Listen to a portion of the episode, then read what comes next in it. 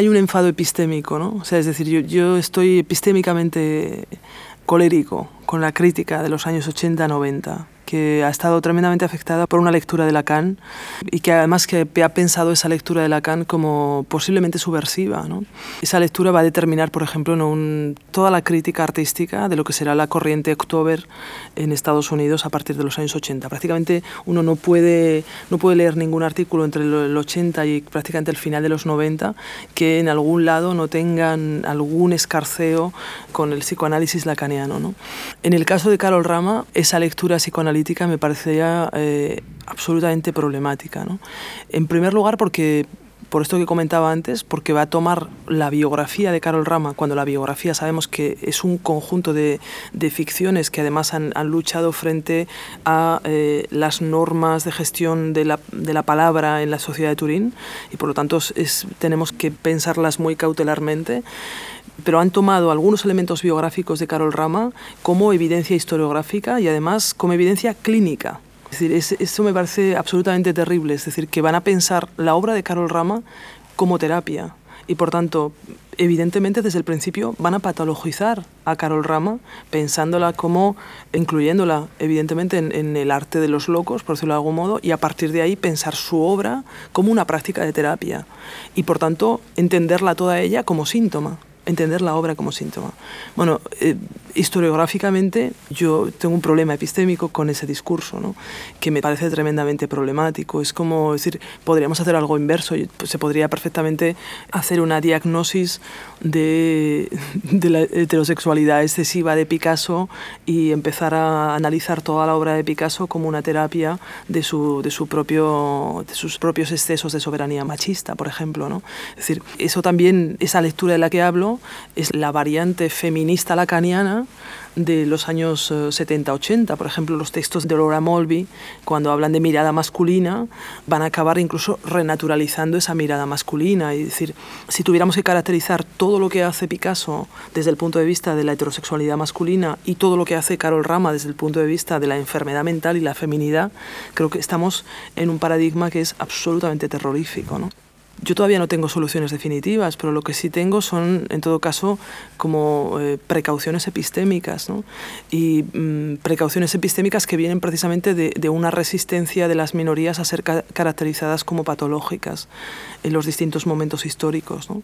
Entonces, yo lo que querría en principio es preservar a Carol Rama de esa lectura por ejemplo, eh, se insiste muy a menudo en caracterizar todo el trabajo de Carol Rama y el, muy particularmente el trabajo que ella hace con los objetos como un trabajo fetichista. ¿no? En principio creo que necesitamos una genealogía crítica del fetichismo. Primero, entender que el fetichismo es una noción que es de raíz colonial, que esa noción es inventada por los colonizadores portugueses en los siglos XV y XVI, cuando se encuentran con las prácticas religiosas de las tribus africanas, y que esa noción va a caracterizar esas prácticas como prácticas herejes, como prácticas que difieren del catolicismo y como prácticas en las que al objeto se le da una condición de sagrado. Y es eso lo que se va a denominar fetichismo. Después, en el siglo XIX, el psicólogo francés Albinet va a retomar esa noción colonial para caracterizar las prácticas de aquellos que solo pueden llegar al placer sexual a través del contacto con el objeto y que por tanto denigran eh, la posición central que los órganos sexuales deberían tener.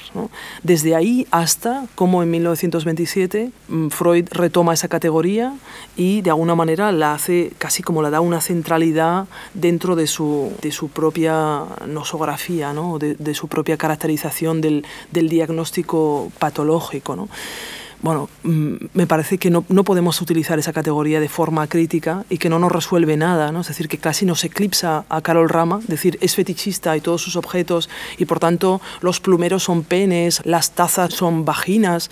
Bueno, es decir, mm, yo no sé, es decir, ¿qué, empeño tiene todo el mundo en verlo todo siempre de manera absolutamente binaria y absolutamente genital y absolutamente heterocentrada. Es decir, lo maravilloso de Carol Rama precisamente es que nos permite romper la gramática de la diferencia sexual, que nos permite salir de ese horizonte en el que únicamente lo genital aparece como sexualizado, ¿no? Y por tanto, podríamos decir que casi nos, nos, está proponiendo otra anatomía de lo político sexual.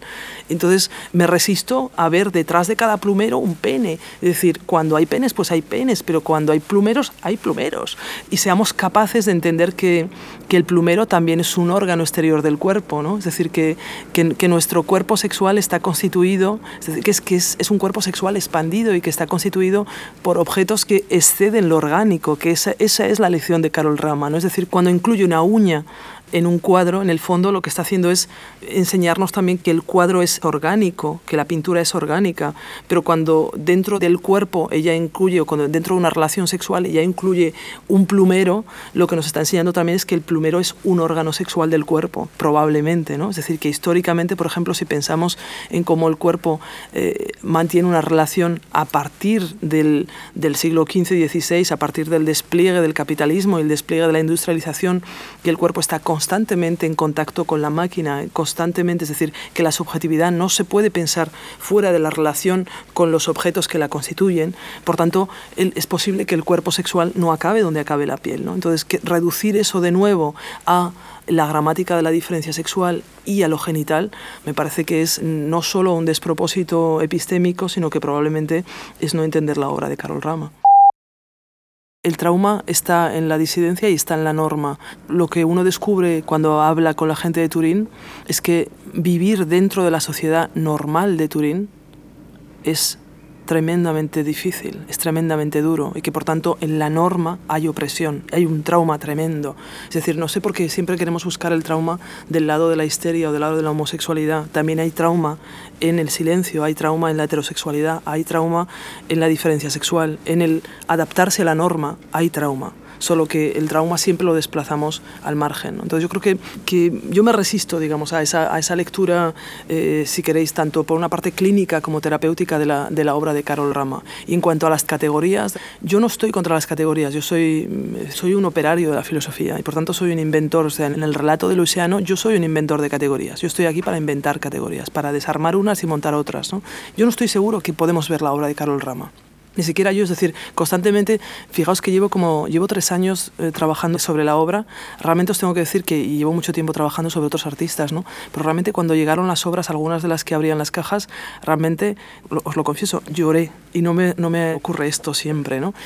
Lloré porque pensé, es que no soy capaz de ver lo que hay aquí. Y llevo toda mi vida trabajando sobre la disidencia sexual, es decir, confrontándome a eso, ¿no? Pero de repente mmm, ver esa obra eh, supone también aceptar, es decir, mirar el cuerpo de otra manera, aceptar que ahí donde tú ves trauma, ella lo que veía era deseo, uh, disidencia, resistencia, ¿no? Creo que esa, esa, es la lección de esa es la lección de Rama, ¿no? La lección de Rama es que debemos representar el, el cuerpo no como, no como víctima de un sistema de poder, sino siempre como resistiendo al poder.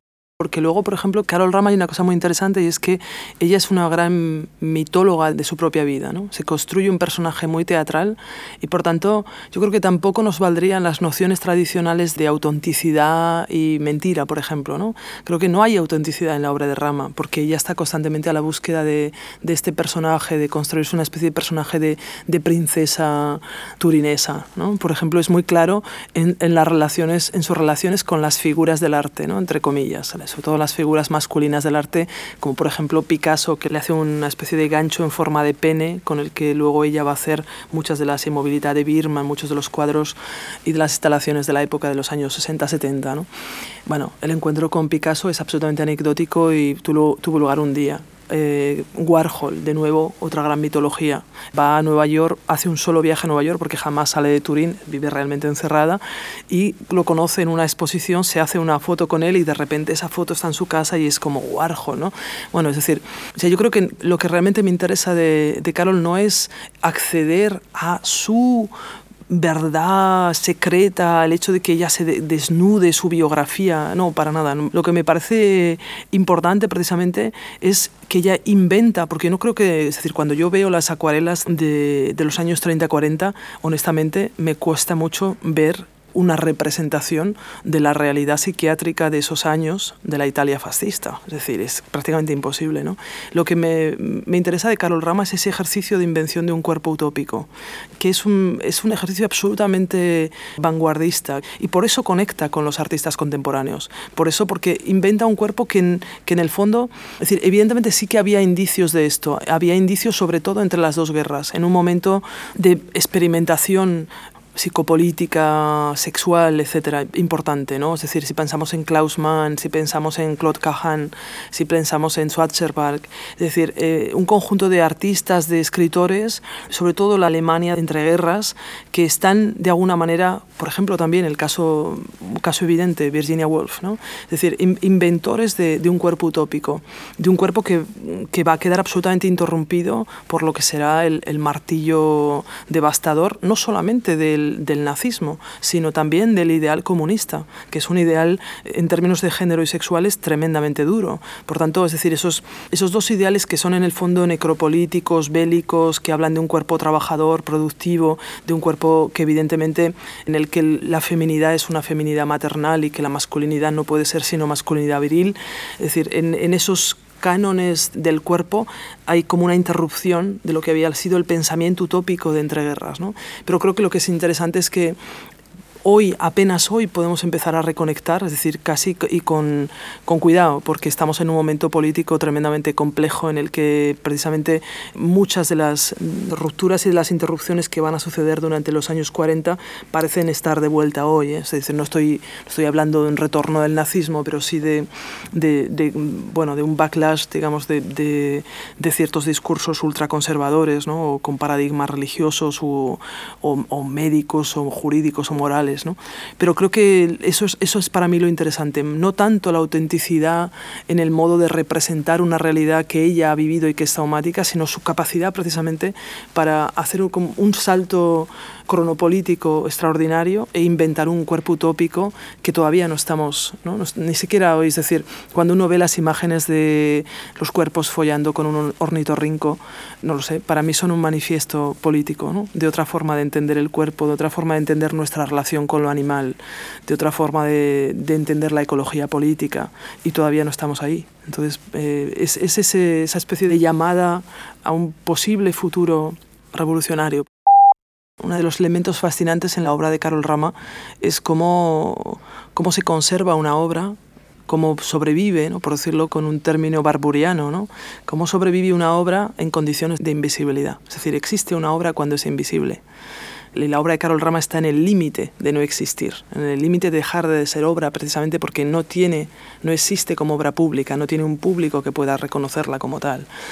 Y, por tanto, cuando nos ponemos a hacer esta encuesta policíaca y a buscar su obra, nos damos cuenta que primero, como Carol Rama no ha estado en los circuitos museísticos ni de intercambio comercial del arte, en realidad los coleccionistas de Carol Rama son aquellos que adquirieron su obra a través de una economía de trueque o de intercambio, ¿no? que esto es absolutamente fascinante. Es decir, que Carol Rama, precisamente porque su padre se arruina y ella no tiene una formación específica, pues prácticamente no tiene una forma de sobrevivir, es decir, no, va a trabajar durante su vida excepto eh, con esta práctica obsesional plástica que ella tiene, ¿no? Y por tanto lo que va a hacer es eh, intercambiar sus cuadros para poder vivir. Y nos damos cuenta que los coleccionistas más importantes de la obra de Carol Rama son los peluqueros, los zapateros, el farmacéutico, el del restaurante que le daba de comer, eh, un amigo suyo que le daba de vez en cuando dinero. Es decir, sí que hay evidentemente tres o cuatro coleccionistas importantes de la sociedad turinesa que casi como una especie de mecenazgo, ¿no? porque en ese momento nos contaban algunos, es decir, cuando iban al estudio de Carol Rama eh, no, no pensaban en una obra, decían, bueno, me llevo 60 me llevo 60 y, y, aquí te dejo, no sé, es decir, ¿no? bueno, unas liras, no sé, es decir, la cosa era... Y, y por tanto, tenemos que pensar que, que, esa obra, claro, ha estado en, en, en condiciones de deterioro eh, casi inimaginables. Es decir, que, por ejemplo, llegamos, vemos a algunos de los, de los coleccionistas de Carol Rama, que, por ejemplo, el peluquero, que es un coleccionista absolutamente maravilloso, Giancarlo, tiene toda la obra de Carol Rama en la peluquería.